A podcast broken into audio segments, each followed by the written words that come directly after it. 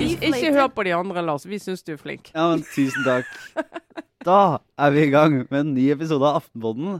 En helt vanlig torsdag. Det er torsdag i dag, er det ikke det? Jeg tror det. Ja. Vi har med oss som alltid Trine Eilertsen, politisk redaktør. God dag. Hallo. Er du, er du stolt av hjembyen din? Ja, vet du, jeg, i går så jeg på TV og så alle innslagene om sykkel-VM. Jeg ble rørt og glad, og Ja. tenkte at der skulle jeg vært. Ja, Men Går ikke alle bergensere nå rundt og er forbanna for at det ikke er mer om Bergen på alle nyheter, både nasjonalt og internasjonalt? Nei, det jeg tror ikke det. Jeg tror de er så opptatt av seg sjøl når det som skjer. Så det Det er, det, er kanskje, Topp det er kanskje sånn det alltid er. Nei, nei, det er ikke topp stemning. I dag morges hadde jeg tenkt å ikke nevne det, eh, men nå gjør jeg det likevel. Så satt jeg og hissa meg opp over et innlegg et eller annet sted av en rasende bergenser. Ja, det er ett innlegg som har gått som bare det. Det er det ene innlegget? det er ett innlegg. Ja. Okay, for det var utrolig irriterende. Jeg ble altså så jævla De sur. fleste jeg tror jeg ikke er på det Er hakket. du, eh, du Sara Sørheim, Ja. er mener du at uh, sykkel-VM er den største idrettsbegivenheten i Norge siden OL på Lillehammer? Eh, Nei. Men det har ingenting med Bergen å gjøre. Det har med sykkel å gjøre. Ja, det er jeg helt enig i. Ja. Uh, og jeg er altså Lars Klomnes, og vi er tilbake uka etter valget. Er det? Nå er, er, Halvannen uke etter halvannen valget, uke etter du. valget. Ja. Ja. Uh, noen av oss, inkludert meg, har avbrutt friuka mi eh, for å være med og lage litt podkast. vi skal snakke litt om Arbeiderpartiet og om sentrum og om eh, diverse andre ting. Jeg har da drevet en uke med litt sånn mental rehab etter eh, valgkampen. Prøvd å sone helt eh, ut, mer eller mindre. Ja, Hvordan har det gått, vil du si? Nei, det har vel kanskje ikke gått helt, helt optimalt. Eller det viser seg at når jeg skal sone ut, så er det fortsatt Jeg beveger meg ikke langt utafor bobla, da, for å si det sånn. Nei, Jeg, Du har gått, du har gått tur i skogen med, med en journalist og med en politiker, blant annet. jeg har, uh, jeg har eh, gått uh, tur i skogen med en politisk journalist og uh, spilt golf med en politiker. Det er, sånn var det. sånn var det. Ja. Ja. Og spist Og- middag med en partisekretær. Ja. Og eh, vært på et, eh, innspilling av et TV-program for å se en politiker eh, opptre. Og det kommer vi tilbake til. Ja, det Ja, kommer vi tilbake. Eller skal vi ta det med en gang? Vi kan kanskje ta det med Ja, en gang. fordi Vi kan jo fortelle våre kjære lyttere før vi går i gang med både maktkamp og etterdønninger og regjeringsspill og sånn, at um, mitt største sjokk uh, siden sist er egentlig at uh, Lars uh, teksta meg og Trine i helgen og sa nå er jeg på innspillinga, Skal vi danse. Ja, og det, det er jo det helt fortrengt, Lars. Men, men samtidig, jeg satt jo også på Stjernekamp eh, mens jeg, da jeg fikk den meldingen sammen med min uh, seksåring. Uh, men det, så vi, det er jo mye vi driver med. Men ja. Jo, men Altså- altså, jeg må bare si da at det, det er et likevel oseaner av forskjell. Altså, for det første så mener jeg at det å se på Stjernekamp, det er, helt, det er ikke rart å gjøre. Til og med jeg har slumpa til å gjøre det. Det, det kan hvem som helst gjøre. Det Jeg digger Stjernekamp. Ja. Syns det er topp. Se på Skal vi danse derimot, det jeg vet at mange gjør det, det syns jeg er litt rarere. Eh, Men å gå på innspillingen av Skal vi danse, særlig i et studio hvor i hvert fall hvis det er sånn pleier å være på TV-innspillinger, at man egentlig ikke får lov til å gå hvis man først er inne og man må sitte stille. Altså, det, det, altså bli innestengt. Det er, vet du hva, det er mitt verste mareritt. Bli Ja. innestengt på Skal vi danse-innspilling en lørdag kveld. Nå, Det viser seg at uh, det, er, det er flere, flere omstendigheter her. Uh, jeg, det dro jo på en slags kulturell safari. Jeg har aldri sett Skal vi danse på TV før.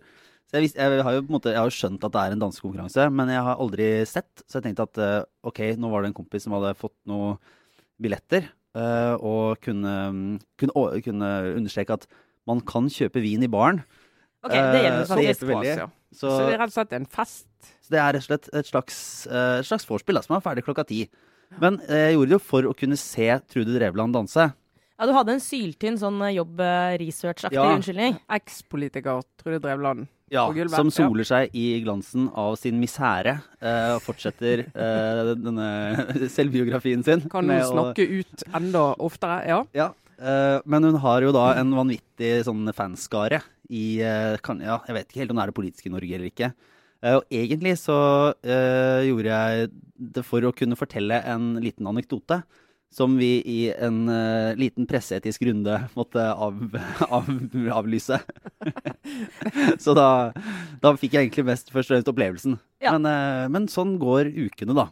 Men det, det du kunne røpe, er jo at både jente- og gutte-Chris fra Skam var observert som publikummere på Skal vi danse. Det viste seg å være langt mindre Hva skal man si, langt mer hipt enn det jeg hadde forventa. Så det, det er der unge, hippe Oslo henger ut en lørdag kveld før de skal Jeg, ut på byen. jeg velger å se det sånn. å Nettopp, nettopp. Så, nettopp. Ja, men eh, altså, mitt mål er å få billetter til Stjernekamp-finalen live. Ja. Det, det, må jeg, det skal jeg prøve å få tak i. Hvis ikke du klarer å få tak i det, Trine, da fins det ikke mediemakt. Nei, jeg skal ta med meg min sønn. Jeg har egentlig lovet han at vi skal gå og se live, så jeg er nødt til å få det til. Hvis ikke må jeg bare si opp som mor. ja, hvis ikke så var den Bilderberger-deltakelsen din Ja, helt det var- wasted. Det var det så å si useless. Ja. Ja. Eller eh, ikke det at vi er lei av valgkampen, altså. Det er eh, Nei da, la oss komme i gang. Ja, ja, ja. Nei, eh, fordi eh, mens eh, alt dette pågår, da, eller mens ingenting skjer, så er jo også partilederne De puster litt ut. De gjør mye eller forskjellig. puster eventuelt ut, eller bare sånn dypt inn og går videre i livet. Det er ikke bare bare. Nei, du, altså hadde en, du hadde en liten oversikt over hva de forskjellige har gjort. Liten oversikt over hva en del nøkkelpartiledere driver med. Um, Jonas Gahr Støre har jo vært uh, i sorg. Og har eh, snakket om nederlaget. eh, og har eh, holdt en rar tale på Folkets hus, som vi kommer tilbake til. Erna Solberg har reist til New York i glitrende gevanter og spilt inn en Skavlan-episode, snakket i FN og snakket om mensen, som NRK vinklet på. Uh, og vært vida, virkelig liksom. sånn uh, verdenskvinne.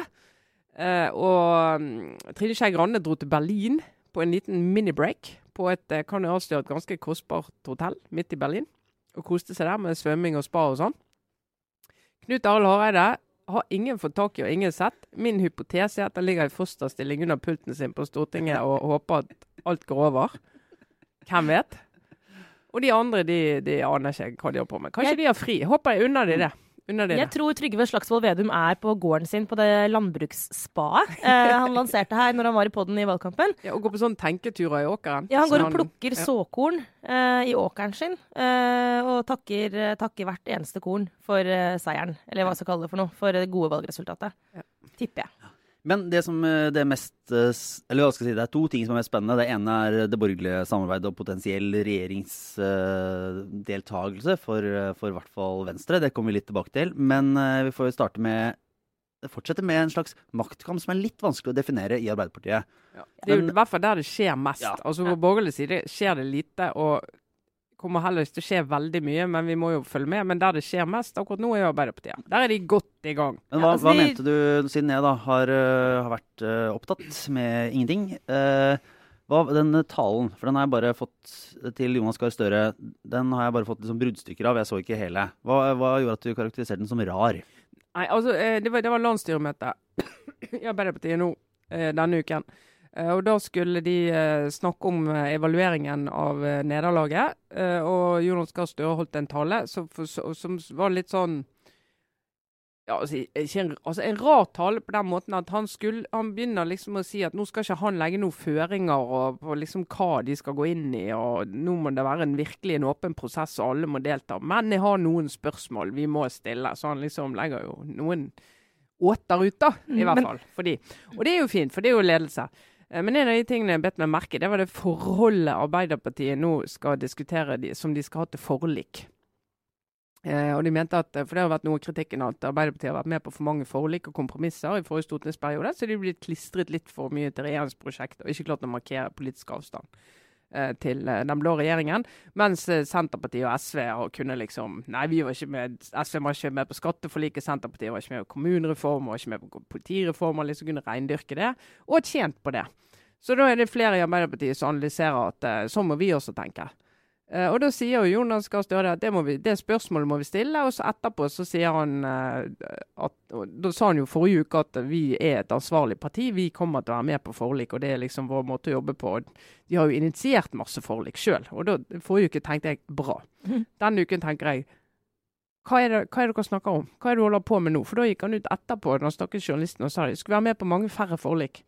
Det, det, det går ikke an for styringspartiet å ha som utgangspunkt at du ikke skal være med på forlik som du ikke har sett. Det går ikke an. Og så tenker jeg, Er problemet til Arbeiderpartiet at de har vært med på forlik, eller er problemet at de ikke har hatt en, et eh, tydelig nok avklart forhold til de forlikene de har vært med på? Ta, ta kommunereform eller politireform. De har vært med på forlik langt på vei. Og så har de vært kritiske til masse sånne ting rundt det. Det jeg tror folk har oppfattet, er at de har vært med, men, og de som har støttet de reformene, de har liksom tenkt at hvis jeg skal stemme på et parti som er for at de reformene skal fortsette, så kan jeg ikke stemme på Arbeiderpartiet, for de er litt sånn kritisk. Mm. Mens de som har vært mot, de forlikene. Har tenkt at uh, jeg kan jo ikke stemme på Arbeiderpartiet, for de er jo kritiske, men de er jo med, så jeg stemmer heller på Senterpartiet. Mm. Sånn, så de lekket liksom begge uh, veier. Uh, og da må jo heller Arbeiderpartiet diskutere. Skal vi heller gjøre det sånn at hvis ja, nå er vi med på det forliket? Da bruker ikke vi masse energi på å diskutere og kritisere det. Vi må drive og snakke om annen politikk, som jeg tror ville være lurt. Mhm. Uten at jeg skal være rådgiver for de. Men jeg tror det ville være lurt, for plutselig er det Arbeiderpartiet som sitter i mindretallsregjering og er nødt til å inngå forlik med masse rare partier. Og hvis da utgangspunktet til Norges viktigste styringsparti er at eh, nei, vi skal ikke være med på forlik vi ikke har sett de engang. Nei, alvorlig talt. Men også være i stand til å snakke opp da mister jeg troen på alt. Da mister jeg troen på, på, på mye. Styringspartiet, kom tilbake. Det Ja. føles godt her i det opplyste samfunnet, liksom, hvor, hvor man tar, må knuse noen egg. Altså- Ikke bli vinglete. Nei, altså norsk politisk eh, kultur og system er en konsensusmodell, og det kan du av og til bli utrolig irritert over. Men det er en veldig, veldig vellykket modell som gjør at vi har et harmonisk politisk system der utviklingen tikker og sakte og fint av gårde. Og da må alle være innstilt på forlik. Og de som prinsipielt ikke skal være med på forlik, de må finne seg noe annet å gjøre. Det var ikke bare en rar tale, det var en dårlig tale, tror jeg vi kan uh, tolke. Men, men han sa jo også, det var sånne morsomme sånne eh, Jonas-aktige eh, jonismer, eller hva jeg skal kalle det, i den talen. Størismer. Som var litt sånn Dette er ikke ordrett sitat, men sånn etterlatt inntrykk sånn La meg ikke konstatere. Men for å konstatere. Altså det var veldig mye sånn La meg være helt åpen om dette. Men la Vi meg skal slå ikke, fast. Men la meg slå fast. Uh, vi skal ikke inngå så mange forlik. Altså hele den her helt sånn loco eh, eh, dobbeltkommunikasjonen. Eh, og så var det, jeg tror DN påpekte det, i, påpekte det i sin leder i dag. Eh, han stilte jo spørsmålet Men la meg stille dette spørsmålet. Mm. Var vi for konstruktive? Ja. Og det er litt sånn som i jobbintervju. Dette Ja. var det, nå, nå rapper jeg DNs poeng, men når du sier sånn Har du en svakhet? Uh, ja, jeg, jeg, jeg jeg, jobber litt for hardt. ja, ikke sant? Jeg Eller ja, jeg kan bli litt utålmodig. Utålmodig. Setter, ve- setter veldig høye krav til meg selv. Ja, ikke sant? Jeg er litt dårlig til å delegere. Det, var, det har jeg absolutt en bitte liten morsom anekdote som jeg må skyte inn. Ja. For min, eh, Det er min gamle og dessverre avdøde venn eh, Sjur Holsen, han var, da vi var studenter, så var han på intervju på en sånn inforådgiverstilling på universitetet. Sånn deltidsstilling. Og han var ikke forberedt på at det var sånn ordentlig skikkelig intervju. Så han kom litt redusert til intervjuet. Der satt jo tre stykker og liksom gikk veldig trått i intervjuet. Så helt på slutten så spør han som intervjuer deg, ja, har du noen, eh, har du noen svake sider? Og Sjur visste ikke helt uh, hva han skulle si. Han var ikke forberedt på det. Så han tenkte jeg må jo si et eller annet. Så hører han seg sjøl si nei, altså Jeg er jo ganske sur og vanskelig å samarbeide med. Noe som for øvrig alle som kjenner Sjur, kan avvise. Men han bare tenkte jeg må jo si noe. Og, ja, han fikk ikke jobben. Fikk ikke jobben nei. Et lite life hack-råd der er sånn ikke, ikke si det på Det skal, jobbintervju. sånn, det skal være ikke, vær uærlig, men ikke vær helt, helt ærlig. Nei. Selektiv. Ja. Men da syns jeg jo, eh, tilbake til Arbeiderpartiet da, og, og strategi, jeg syns jo Hadia Tajik hadde en god tekst hos oss eh, etter valget, altså i Aftenposten. Hvor, eh, hvis jeg ikke nå mitt minne eh, løper av med meg, men hvor hun var mye mer tydelig på at vi må fortsatt være et styringsparti. Vi må stå fast ved det som er Arbeiderpartiet. Eh, og så er det et annet poeng som også er at det er ikke forlikene som er problemet, det er sannsynligvis måten de har Altså manglende evne til å forklare hvorfor. Og hvis vi først skal diskutere sin strategi rundt å være et sånt parti som inngår brede forlik, så er det vel det siste de må gripe fatt i. Hvordan skal vi klare å kommunisere dette på en måte som fungerer Ja. der ute hos velgerne? Ja. Eh, hvordan, og, og Støre sjøl sa når han var hos oss eh, her i podden i valgkampen, så satte han sjøl fingeren på at det er en utfordring for et sånn type parti som Arbeiderpartiet er. Å være det derre eh, fornuftige, eh, voksne partiet som må liksom tenke litt sånn de lange linjer. Det er vanskelig, men det bør jo ikke være fuckings umulig eh, å, å forklare den posisjonen Ja, litt altså, bedre. jeg, jeg tror ikke at Støre har skiftet helt personlighet på det, men jeg ble urolig av det han sa. Jeg ble urolig av det han sa, og tenkte at det, det Arbeiderpartiet kan ikke gå den veien. Men eh, ta til fornuft. For det er mulig å reindyrke sin politiske profil uten å bli eh, helt sånn løsgjenger på Stortinget, som ikke er med på åpenbart fornuftige endringer, da. Men det er jo en dårlig periode for dem. Og det, det som også er interessant å se, er jo at det blir litt sånn eh, når du først er på taperlaget, at det, det blir liksom ikke bedre heller. For det har gått fra et grusomt valgnederlag til en egentlig ganske kjip sånn gjørmebryting i etterkant. Eh, nå er det Som har vært litt vanskelig å sette fingeren på, må det sies. Den, vi har jo snakket om det litt tidligere, at den, den gjørmebrytingen har vært litt uklart om den har vært litt sånn reell. At, at det har begynt å, å danne seg på skillelinjer eller, og konflikter, eller om, om man det er noen som har vært litt sånn tidlig ute for å forhindre maktkamp og forhindre Ja. splittelser. Men det som i hvert fall har kommet fram denne, denne uka, og eh, som er, er ganske så reelt, er at, eh, at det store Arbeiderparti-gruppa på Stortinget skal få seg eh, plasser og komiteer, og da, da er maktspillet helt reelt. Og Mm. der har jo bl.a. et par gode saker i VG avslørt hvordan det nå står dueller om, eh, om leder, altså komitélederposisjonene i finanskomiteen Ja, og de- i utenrikskomiteen. Og de har jo mistet en eh, komitélederposisjon fordi at de er blitt svakere. Som SV får jo en ekstra, og de mister en. Og da blir jo kampen desto tøffere, da. Så her kan vi virkelig bruke klisjeen 'hestene bites'. Og der er det jo sånn at eh, Trond Giske, nestleder, og en som flere eh, frykter vil være en eh, kandidat til å ta over etter Støre, eh, han har jo denne runden, som forrige runde, ønsket å bli leder i finanskomiteen. Eh, for det var jo en sak at han altså nå, eh, Etter det jeg har forstått, så, så sender jo representantene inn en liten, en prioritert topp tre-liste over hvilke komiteer de ønsker seg. Og der var det i hvert fall saker også etter forrige valg om at Trond Giske ønsket seg den plassen i finanskomiteen. Og den gang så sa Støre, eh, eller eh, valgkomiteen, da, som, som ledes av partisekretæren, Mm. at eh, Marianne Martinsen fra Oslo skulle få den plassen isteden. Og det var en veldig tydelig signal. Det var jo da eh, I forbindelse med det når Støre var veldig tydelig på at han ville satse på noen nye navn i Arbeiderpartiet. Løfta fram en del, og mange av dem kvinner, eh, nye stemmer, som siden da har, har blitt sentrale politikere i Arbeiderpartiet. Og særlig kanskje Marianne Martinsen. Er veldig, sånn, hun er veldig tydelig Støres eh, altså Hun er tydelig en, har vært i hvert fall en sentral del av hans prosjekt. Ja, Har vært de- en viktig eh, Hun er fra, er fra Oslo, sitt- de sitter helt, eh, i hvert fall sittet helt ved siden av hverandre på Stortinget. Er eh, Ja, sett på som en sånn, sånn nær støttespiller for Jonas Gahr Og så Støre. er hun økonom, hun er en Ja. god økonom, og hun har vært helt sentral i utarbeidelsen av de alternative budsjettene, som jo er liksom det viktigste politiske dokumentet underveis i stortingsperioden. det har var jo- jobbet masse med det. all grunn til å tro at det var et helt bevisst valg fra Støre sin side uh, for, i forrige runde, da han satte henne inn i den posisjonen. Uh, nå er spørsmålet om han uh, kommer til å måtte, eller eventuelt til og med ville, prioritere sin nestleder. Eh, en av sine Så nestledere. Ifølge VG så vil han jo det. Og det er, jo, det er jo ikke sånn at det er At det vil være noe, nødvendigvis noe rart med det i seg selv. Nei, altså, Nei, utfordringen er jo for, eh, for eh, Marianne Martinsen og Arbeiderpartiet at den, altså den uenigheten finnes. Altså det er ikke unikt for Arbeiderpartiet at det blir sånn kiving om, eh, om de posisjonene og hvem som skal være synlig på hvilket område i Stortinget. Eh, Det, det er helt normalt.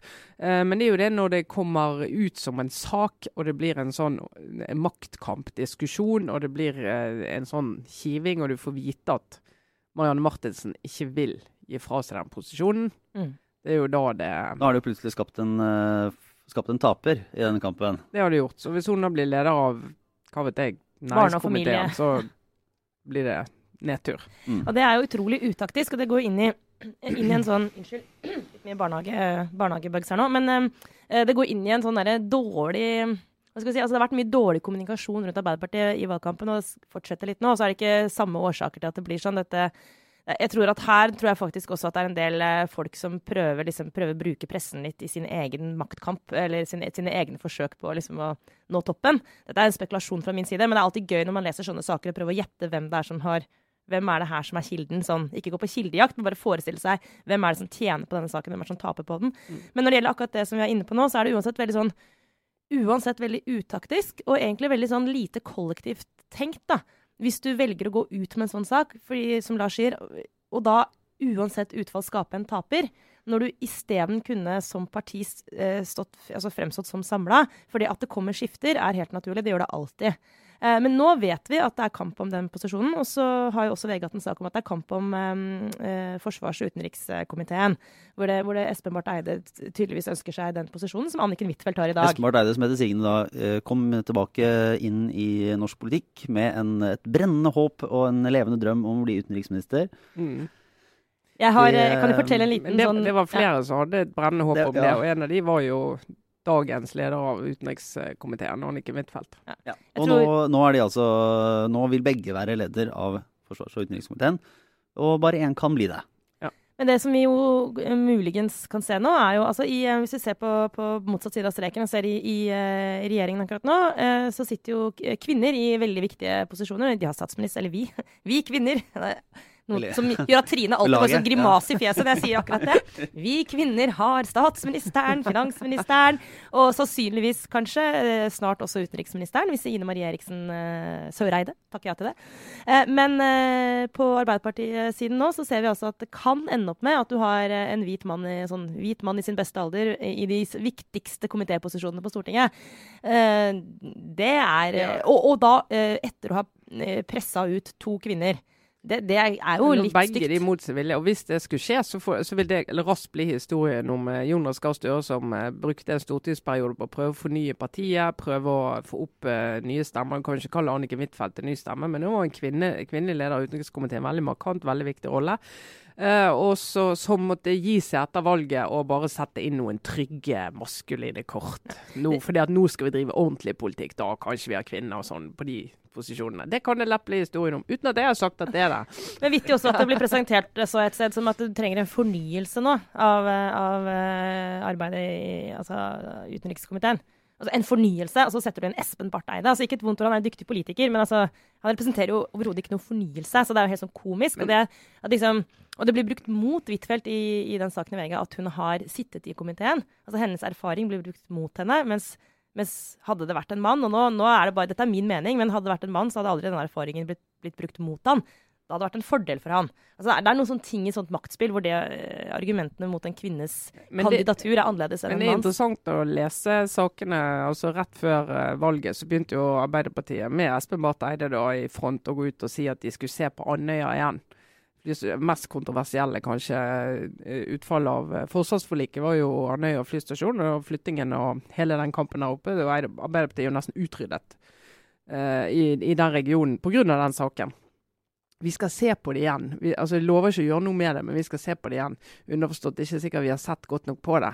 Mm. Uh, og da blir, ligger det jo litt sånn ja, Hvem var det da i Arbeiderpartiet som var ansvarlig for at vi ikke har sett godt nok på det og har jobbet godt nok med det? Og hvem er det som da ikke står her og sier det? Jo, Anniken Huitfeldt, som satt i den komiteen og, og var Arbeiderpartiets representant i det. Uh, og det forfølger jo henne, da, at hun hadde det ansvaret. Men så vet jo de som fulgte de forhandlingene, at det var Jonas Gahr Støre selv satt jo inne i rommet og var jo med og, og snakket om det. Så liksom å bare hekte det på Anniken Huitfeldt og si at uh, hun er ansvarlig omtrent for at Arbeiderpartiet kom dårlig ut av forsvarsforliket. Det, det er en seig en, altså. Den er drøy, men det er maktspill. Mm. Hvis jeg bare helt på tampen den egentlig en litt sånn presseetisk greie på det her. Jeg har lest i sakene, og VG har vært veldig gode på, på en del av eh, de konfliktene som åpenbart også nå fins.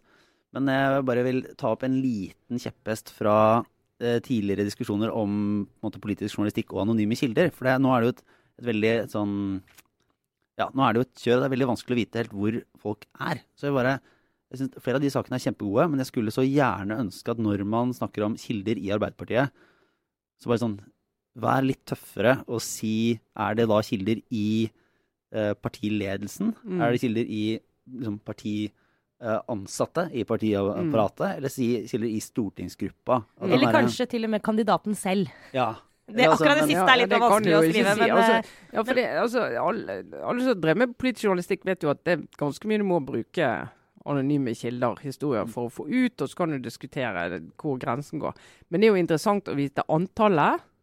Og som du sier, eh, Lars, hvor sentralt de er plassert. For det er klart at det er en eller annen som opererer på utsiden av partiet og synser i vei om det, er langt mindre relevant enn en som sitter Hvis du har snakket med fem stykker i landsstyret Mm. Det, det, er veldig stor forskjell på det. Ja. Og det er klart det veier mye tyngre det siste enn det ja. første. Og dette, dette, gjelder jo vår egen, egen journalistikk i ja, Aftenposten også, men jeg, mener, jeg syns den skal Når man får, uh, får, et sånn politisk drama da, der, der, det ofte nødvendigvis må bli en del bruk av anonyme kilder, for det er, det er viktig å få fram informasjon om det som foregår i et så mektig parti som Arbeiderpartiet. Og, mm. og, man må bare erkjenne at alle kommer ikke til å stå fram åpent med sin kritikk, selv om de i prinsippet burde det. Så ja, men... vil jeg ta liksom en, noen eh, lekser fra, fra amerikansk eh, journalistikk etter eh, Trump ble valgt, som er nettopp på det på antall, og på bare være ganske sånn spesifikk på hvor disse kildene sitter. For det er ganske mm. forskjellig om F.eks. Når, når det er snakk om at Trond Giske fikk ansvaret for, for valgkampstrategien og, og nedturen, så er det ganske avgjørende om de som kommer med den anonyme kritikken, sitter i partiledelsen, i sentralstyret, uh, nede i organisasjonen eller i ansattapparatet. Mm. Helt enig. Noe annet man jo også bør gjøre, et spørsmål man må stille seg i sånne saker, er jo også hvem tjener på at vi lager denne saken? Mm. Fordi eh, anonyme kilder, som Trine var inne på, er jo helt riktig å bruke hvis det du skal få frem, er av liksom, samfunnsmessig interesse. Og det er eneste måten å få det frem på, er å bruke anonyme kilder. Og hvis du som journalist eller vi som redaktører vet at kildene er til å stole på, at det er mange nok osv., osv. Det, det fins mange gode grunner. men sånn som akkurat denne, altså disse sakene om denne maktkampen i Arbeiderpartiet, jeg syns selvfølgelig det er kjempespennende å lese. Alle journalister elsker maktkamper i Arbeiderpartiet. Det er liksom maktkampenes mor i, politisk journalistikk. Men, det er klart at um, er det av samfunnsmessig interesse, eller er det f.eks. av den ene kandidatens interesse at denne saken kommer frem? Uh, og så er Hvem er det som går tur med bikkja her? Hvem er det som bruker hvem? Uh, nå, nå, må dere ikke misforstå. Jeg mener ikke nødvendigvis at VG her blir misbrukt, men jeg bare ser at sånne saker går rett inn og blir en del av det maktspillet. Uh, og da kan man plutselig få litt sånn dårlig smak i munnen på vegne av journalistikken. Sånn, hvis, hvis, vi, hvis vi ja. da blir misbrukt for at en eller annen person skal få maktposisjon. Men jeg tror det skulle være nyttig både for oss og for andre redaksjoner, og for VG nå. For VG har jo hatt mange oppslag siden valget som har vært uh, som handler om maktkamp i Arbeiderpartiet, og som er fundert på anonyme kilder. Det er jo at en eh, redaktør eller en leder i redaksjonen skriver et lite stykke av hvordan, jobb, hvordan jobber vi med anonyme kilder. Altså, hva er våre vurderinger? Altså, eh, bare liksom forklare litt hvordan de tenker. for En del som sitter der ute, og ser vi jo på kritikken mot uh, de sakene med anonyme kilder, de tror jo at vi er mange sånne redaksjoner som oss, vi får en som ringer oss og sier et eller annet drit om en annen, og så, som åpenbart har interesse av det, og så trykker vi det anonymt. Fordi det er politikk, og der har du andre terskler og annen måte å gjøre det på. Og så eh, drar de opp Jagland og alle de sakene fra eh, de gamle maktkampene. da. Ja, og så skal det sies, det er jo ingen, jeg tror jo, det er ingenting som tyder på at det VG skriver er feil. Og stort sett nei, nei. som grunnregel så har de alltid rett når de skriver om sånne saker. Ja, ja, ja. Ja men jeg tror det, det er interessant for leserne mm. å vite hvordan de vurderer og hvordan de diskuterer det. Så handler det egentlig om en sånn transparens som jeg tror uh, styrker troverdigheten vår. da. Hørte du forresten at vi fikk sånn uh, fikk mediekritikk, dette, av eh, han Anlov P. Mathisen. Altså vi ja. som i Aftenpodden? Ja. Nei. Og, øh, og altså media, sånn si mainstream media. For som at øh, en, i den grad man tok øh, Nå siterer jeg litt sånn løst her. I den, den grad de store mediene tar selvkritikk, så er det i et litt sånn satirisk og latterliggjørende format som Giæver og Joffen og Aftenpodden.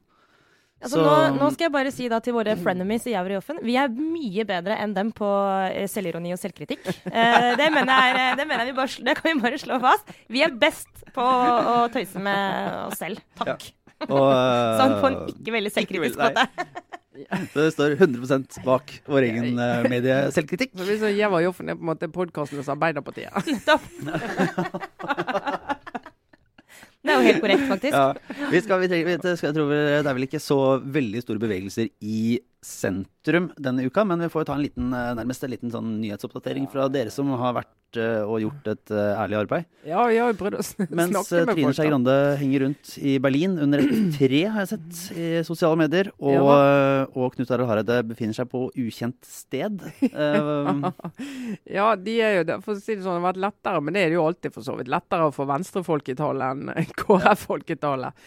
Men det er, jo, det er jo et par de skal jo diskutere sitt forhold til regjeringen, og de har gått til valg på en blå-grønn regjering som eh, virker fremdeles lite sannsynlig. Men det er akkurat som om både KrF og Venstre tenker at ja ja, vi skal nå prøve en gang til i kveld. Kaste bort en del dager eh, med Torsdag forhandlinger. Kveld. Snakk litt ja. om det. Men um, så er det jo sånn diskusjonen skal vi gå inn, skal vi gå ikke. Men jeg, det, jeg tror hovedinntrykket er at ingen av de er klar for å gå inn i regjering med Frp nå.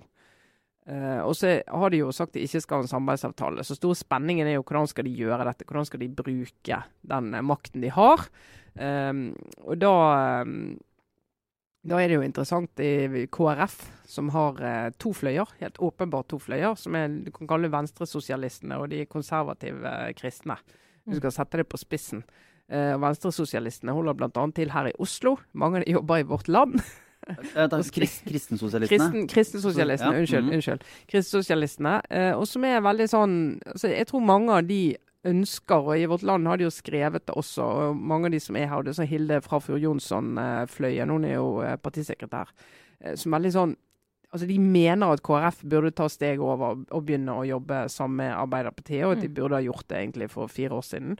Um, Dette og- representerer jo, unnskyld at jeg avbrøt, men det er på en måte en sånn fløy av eh, gamle statskirken som jeg eh, kjenner, som, som på en er veldig sånn sterk, sert i Oslo. Så du har Kirkens Bymisjon, du har Kirkens Nødhjelp, du har en del sånn eh, noe som heter Aksept, som er sånn kirkens eh, senter som jobber for å hjelpe aids- og hiv-positive. Altså, du har en del sånne polit, relativt politiske kristne ja, Changemaker er noe annet. Som, som typisk sånn, I det der sosiokulturelle miljøet som jeg har vokst opp i, så er det Jeg kjenner masse folk i det miljøet. Så jeg kan komme i skade for å tro at dette er en ganske sterk bevegelse.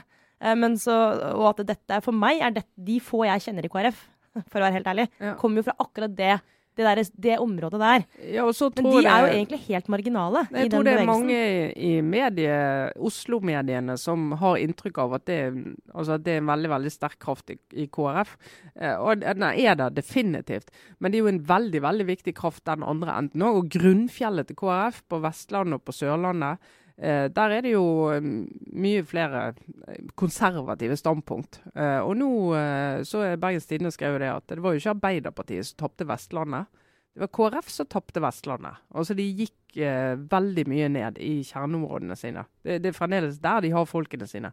Men det her er jo, KrF har jo vært litt sånn 14-15-16 parti i en del av de eh, kommunene. sant? Eh, og har tapt eh, ganske mye. Og det, sånn at det der, den spenningen mellom eh, kristensosialistene og de konservative kristne i et så lite parti akkurat nå, er jo veldig, veldig krevende. Hvor står Hareide, tror du? For det, han er jo en sånn Jeg fortalte jo forrige, forrige uke at jeg møtte han og Støre sto og prata på gata og virka veldig gode busser. Og han er en sånn han er en, en sånn han, Det er veldig lite ved hans personlighet som minner om det som er liksom det der klassiske liksom, karikaturen av en sånn veldig konservativ kristen eh, sørvestlandsperson. Sånn som vi i Oslo ser for oss sånne nesten sånn svovelpredikanter, Med sånn, liksom. sånn, Ludvig, sånn skjegg som bare er under haka. Og alltid med en liten sånn abortdokke i veska som du kan ta litt ketsjup og slenge på gata hvis du føler for det, liksom. Altså, det er veldig lite ved Hareide som minner meg om den typen eh, Det som vi med, med skrekk og gru i stemmen kaller for kristenkonservative ofte. Men, men, men egentlig er han jo akkurat det. Han er, Han er jo vestlending, holdt jeg på han er ikke en sånn som Nei mener ikke misforstå, han er ikke Han en har sånn ikke sånn dokke i, i veska. Politisk sett, så, ja. altså, politisk sett så er det jo ingen grunn til altså, eh, Eller hvordan vil du beskrive han politisk, Trine? Nei, altså, er jo eh, jeg tror jo han står ganske godt uh, i midten her. altså Litt mer til venstre nok enn uh, en grunnfjellet, en del av grunnfjellet. sant? Altså han har prøvd å, Hans mål da han ble partileder, det var å breie ut partiet. Eh, Få frem flere enn de klassiske verdisakene og kontantstøtten og bistand, som har vært sånn veldig KrF-saker. Man liksom breier de ut. eh, Og prøve å fange flere, og ikke minst yngre velgere. For KrF det er litt sånn som papi- papiravisabonnenter. Det er en utdøende rase. eh, Og du kan jo se på på en måte grunnfjellet til KrF. Det, det, de dukker opp i dødsannonsene hver eneste dag.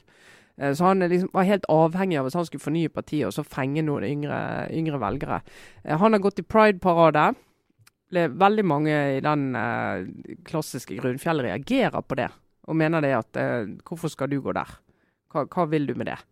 Eh, mens han det selvfølgelig har veldig veldig fin klangbunn i, i Oslo og i mediene, ikke minst. Og han får masse skryt av det. Men han vet jo òg, han bedre enn noen vet jo at han gambler litt når han gjør det. Eh, og så har han en del, eh, eh, en del andre saker. Sant? Han liksom går til valg på reformpause. Kan ikke fenge noen nye velgere med det. Opptatt av eh, utvidet pappaperm, ikke sant. Og det er jo en sånn så Kjempefin sak, det. altså Flott sak. Mange skal være opptatt av det. Men det er liksom hvis du skal fenge grunnfjellet ditt Mm. som du, så KrF mm, altså Han må greie å bevare det. Og det har jo vært fordel til KrF sammenlignet med f.eks. Venstre. At de har hatt et veldig sterkt grunnfjell, veldig sterk organisasjon rundt i kommunene, i de viktige kommunene. Eh, og Hvis han liksom begynner å miste de, og dette valget har mistet litt grepet på de, og mange av de har gått til høyre, f.eks. Men politisk sett, da? Altså, er det der han hører hjemme? Sånn, altså, jeg tenker på sånn der, er, hvis, nå må vi jo litt i Men sånn som du kjenner han som politiker, altså hvilken side av altså, hvor, hvor mye heller han egentlig mot det sosialdemokratiske, og, og hvor mye er han egentlig liksom, trygt plassert i, borg, i den borgerlige fløyen? Nei, altså, som, jeg, jeg husker jo han var statsråd i Bondevik-regjeringen, den, før den rød-grønne regjeringen tiltrådte. og Da eh, forsvarte jo han eh, både skattelettelser og altså en del av den økonomiske politikken som den regjeringen eh, drev, som Høyre drev frem i den regjeringen. Mm. Eh, og som de i sin selvransakelse etter et forferdelig valg sa at det må, vi må ikke gjøre det mer.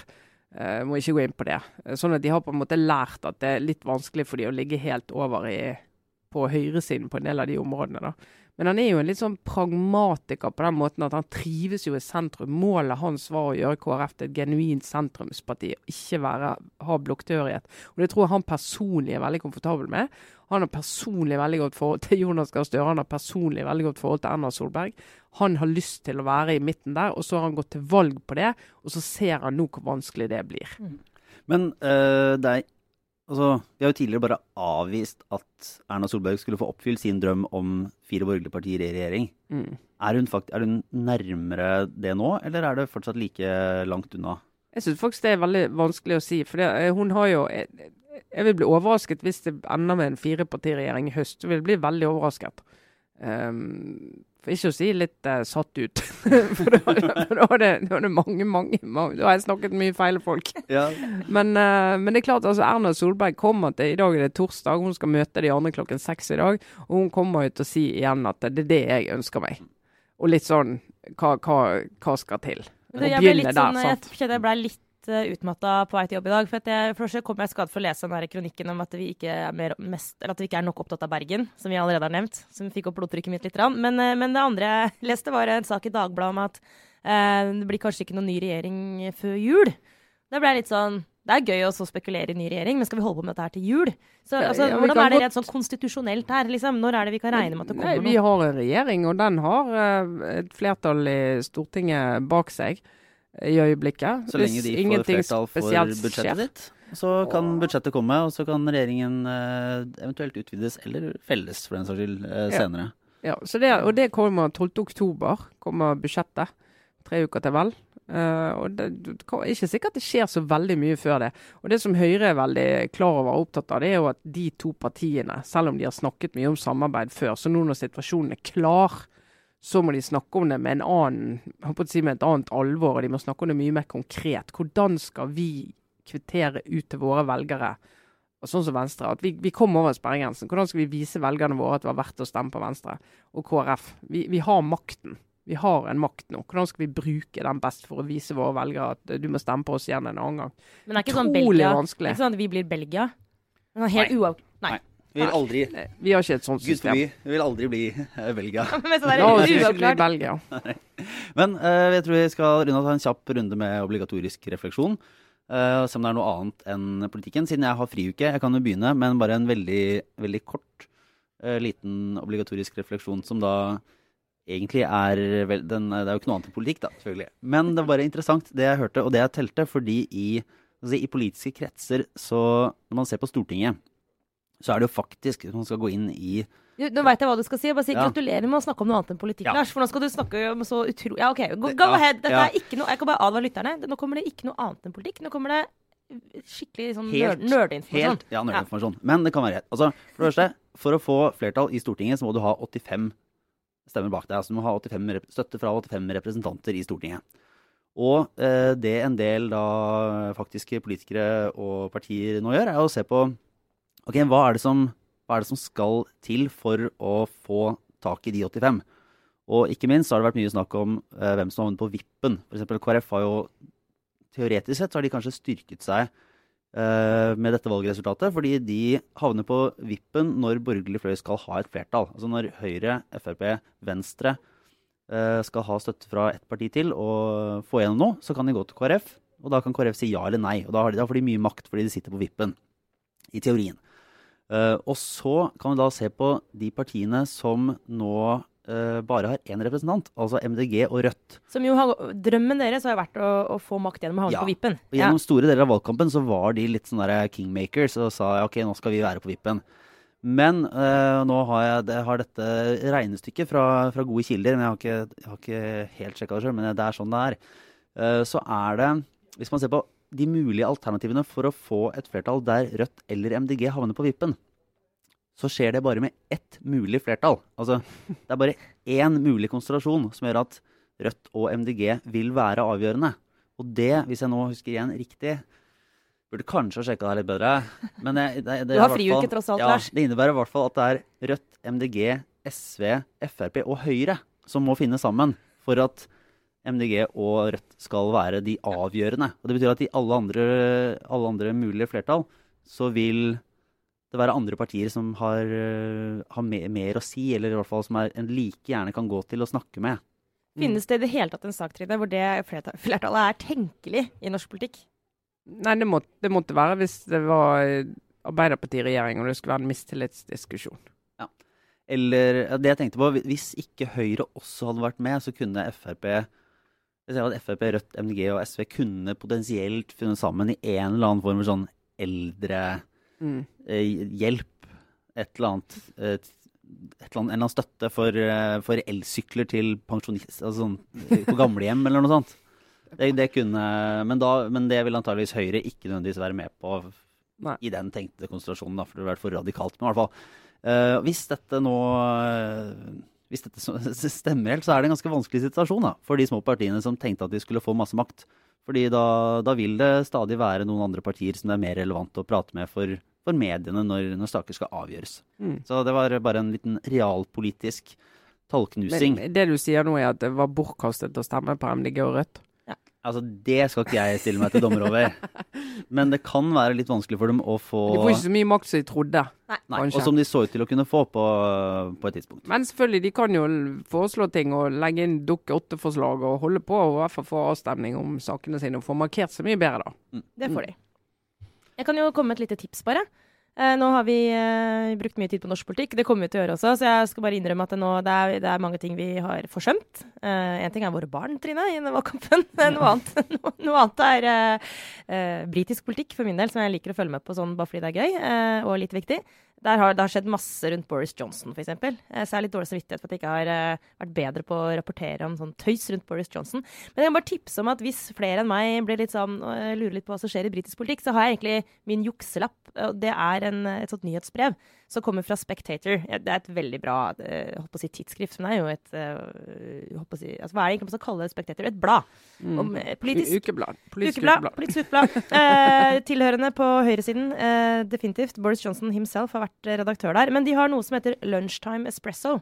Som er et nyhetsbrev som bare kommer med sånn dagens viktigste saker i sånn veldig veldig kortformat, som en espresso. Mm. Eh, og det er sånn én, to, tre, eh, kanskje fire punkter som kommer inn i mailboksen midt på dagen. Eh, det fungerer utrolig bra. Den britiske varianten av Trine Eilertsens eh, eget nyhetsbrev. Ja.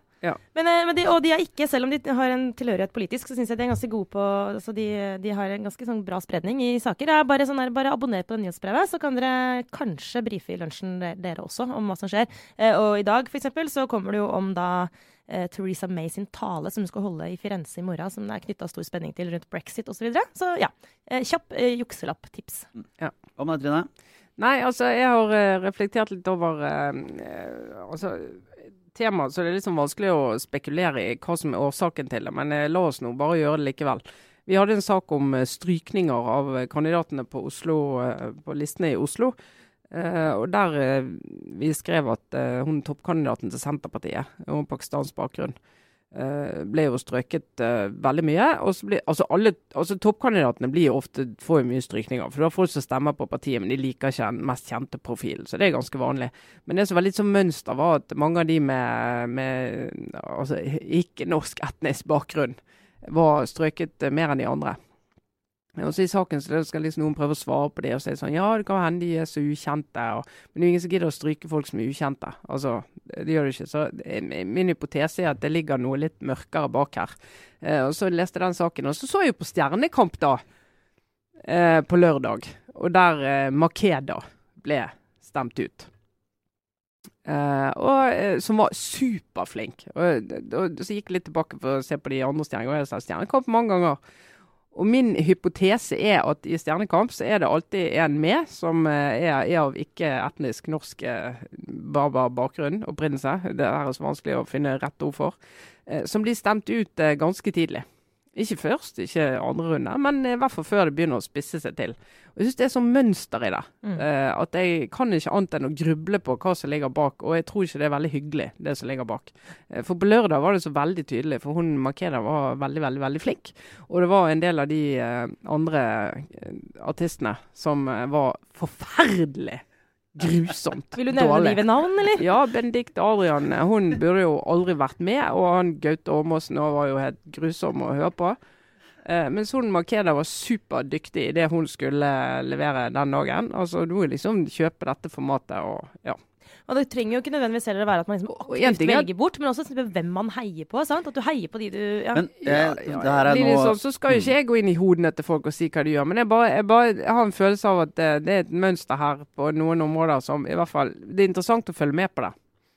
Ja, Det er bare en annen en, Kan jeg bare en, si først at det, Ja. det, jeg trekker tilbake det med altså, Eller jeg har kanskje tenkt noen ganger at Stjernekamp er veldig fjernt fra det du driver med ellers. Men jeg skjønner at Stjernekamp også kan gå rett inn i en samfunnsanalyse. Og det er ikke ironisk ment engang. Det kan jo det. Så det Ja, er ja, men Stjernekamp er jo Norge, det Ja. Altså, norsk lørdagsunderholdning, det går an å si mye om, altså. Det er mye Men det var jo da, for å trekke en erfaring som jeg har da, fra da jeg var publikum på Skal vi danse Det er ikke ofte jeg har kunnet si det. Men uh, da, da man begynner jo, selv om jeg ikke har sett Skal vi danse før, så begynner man å kjenne igjen noen sånn dynamikk i hvordan folk går videre og ikke går videre. Uh, og da var det jo hun uh, dyktige programleder, hun Hedda Kise, som, som var danset først. Og jeg satt tilfeldigvis midt mellom liksom, i, med hennes familie rundt. Så det, da får jo det veldig nært. Og da, da skjønner man jo litt den at når hun dansa, og hun var helt måte, flink til å danse og allting, men var ikke sånn kjempespesielt. Og når den type kjendis, så skjønte jeg bare sånn OK, du kommer til å rykke i dag. Fordi Ja. at uh, den der, personlighetskonkurransen som de programmene etter hvert blir, Ja.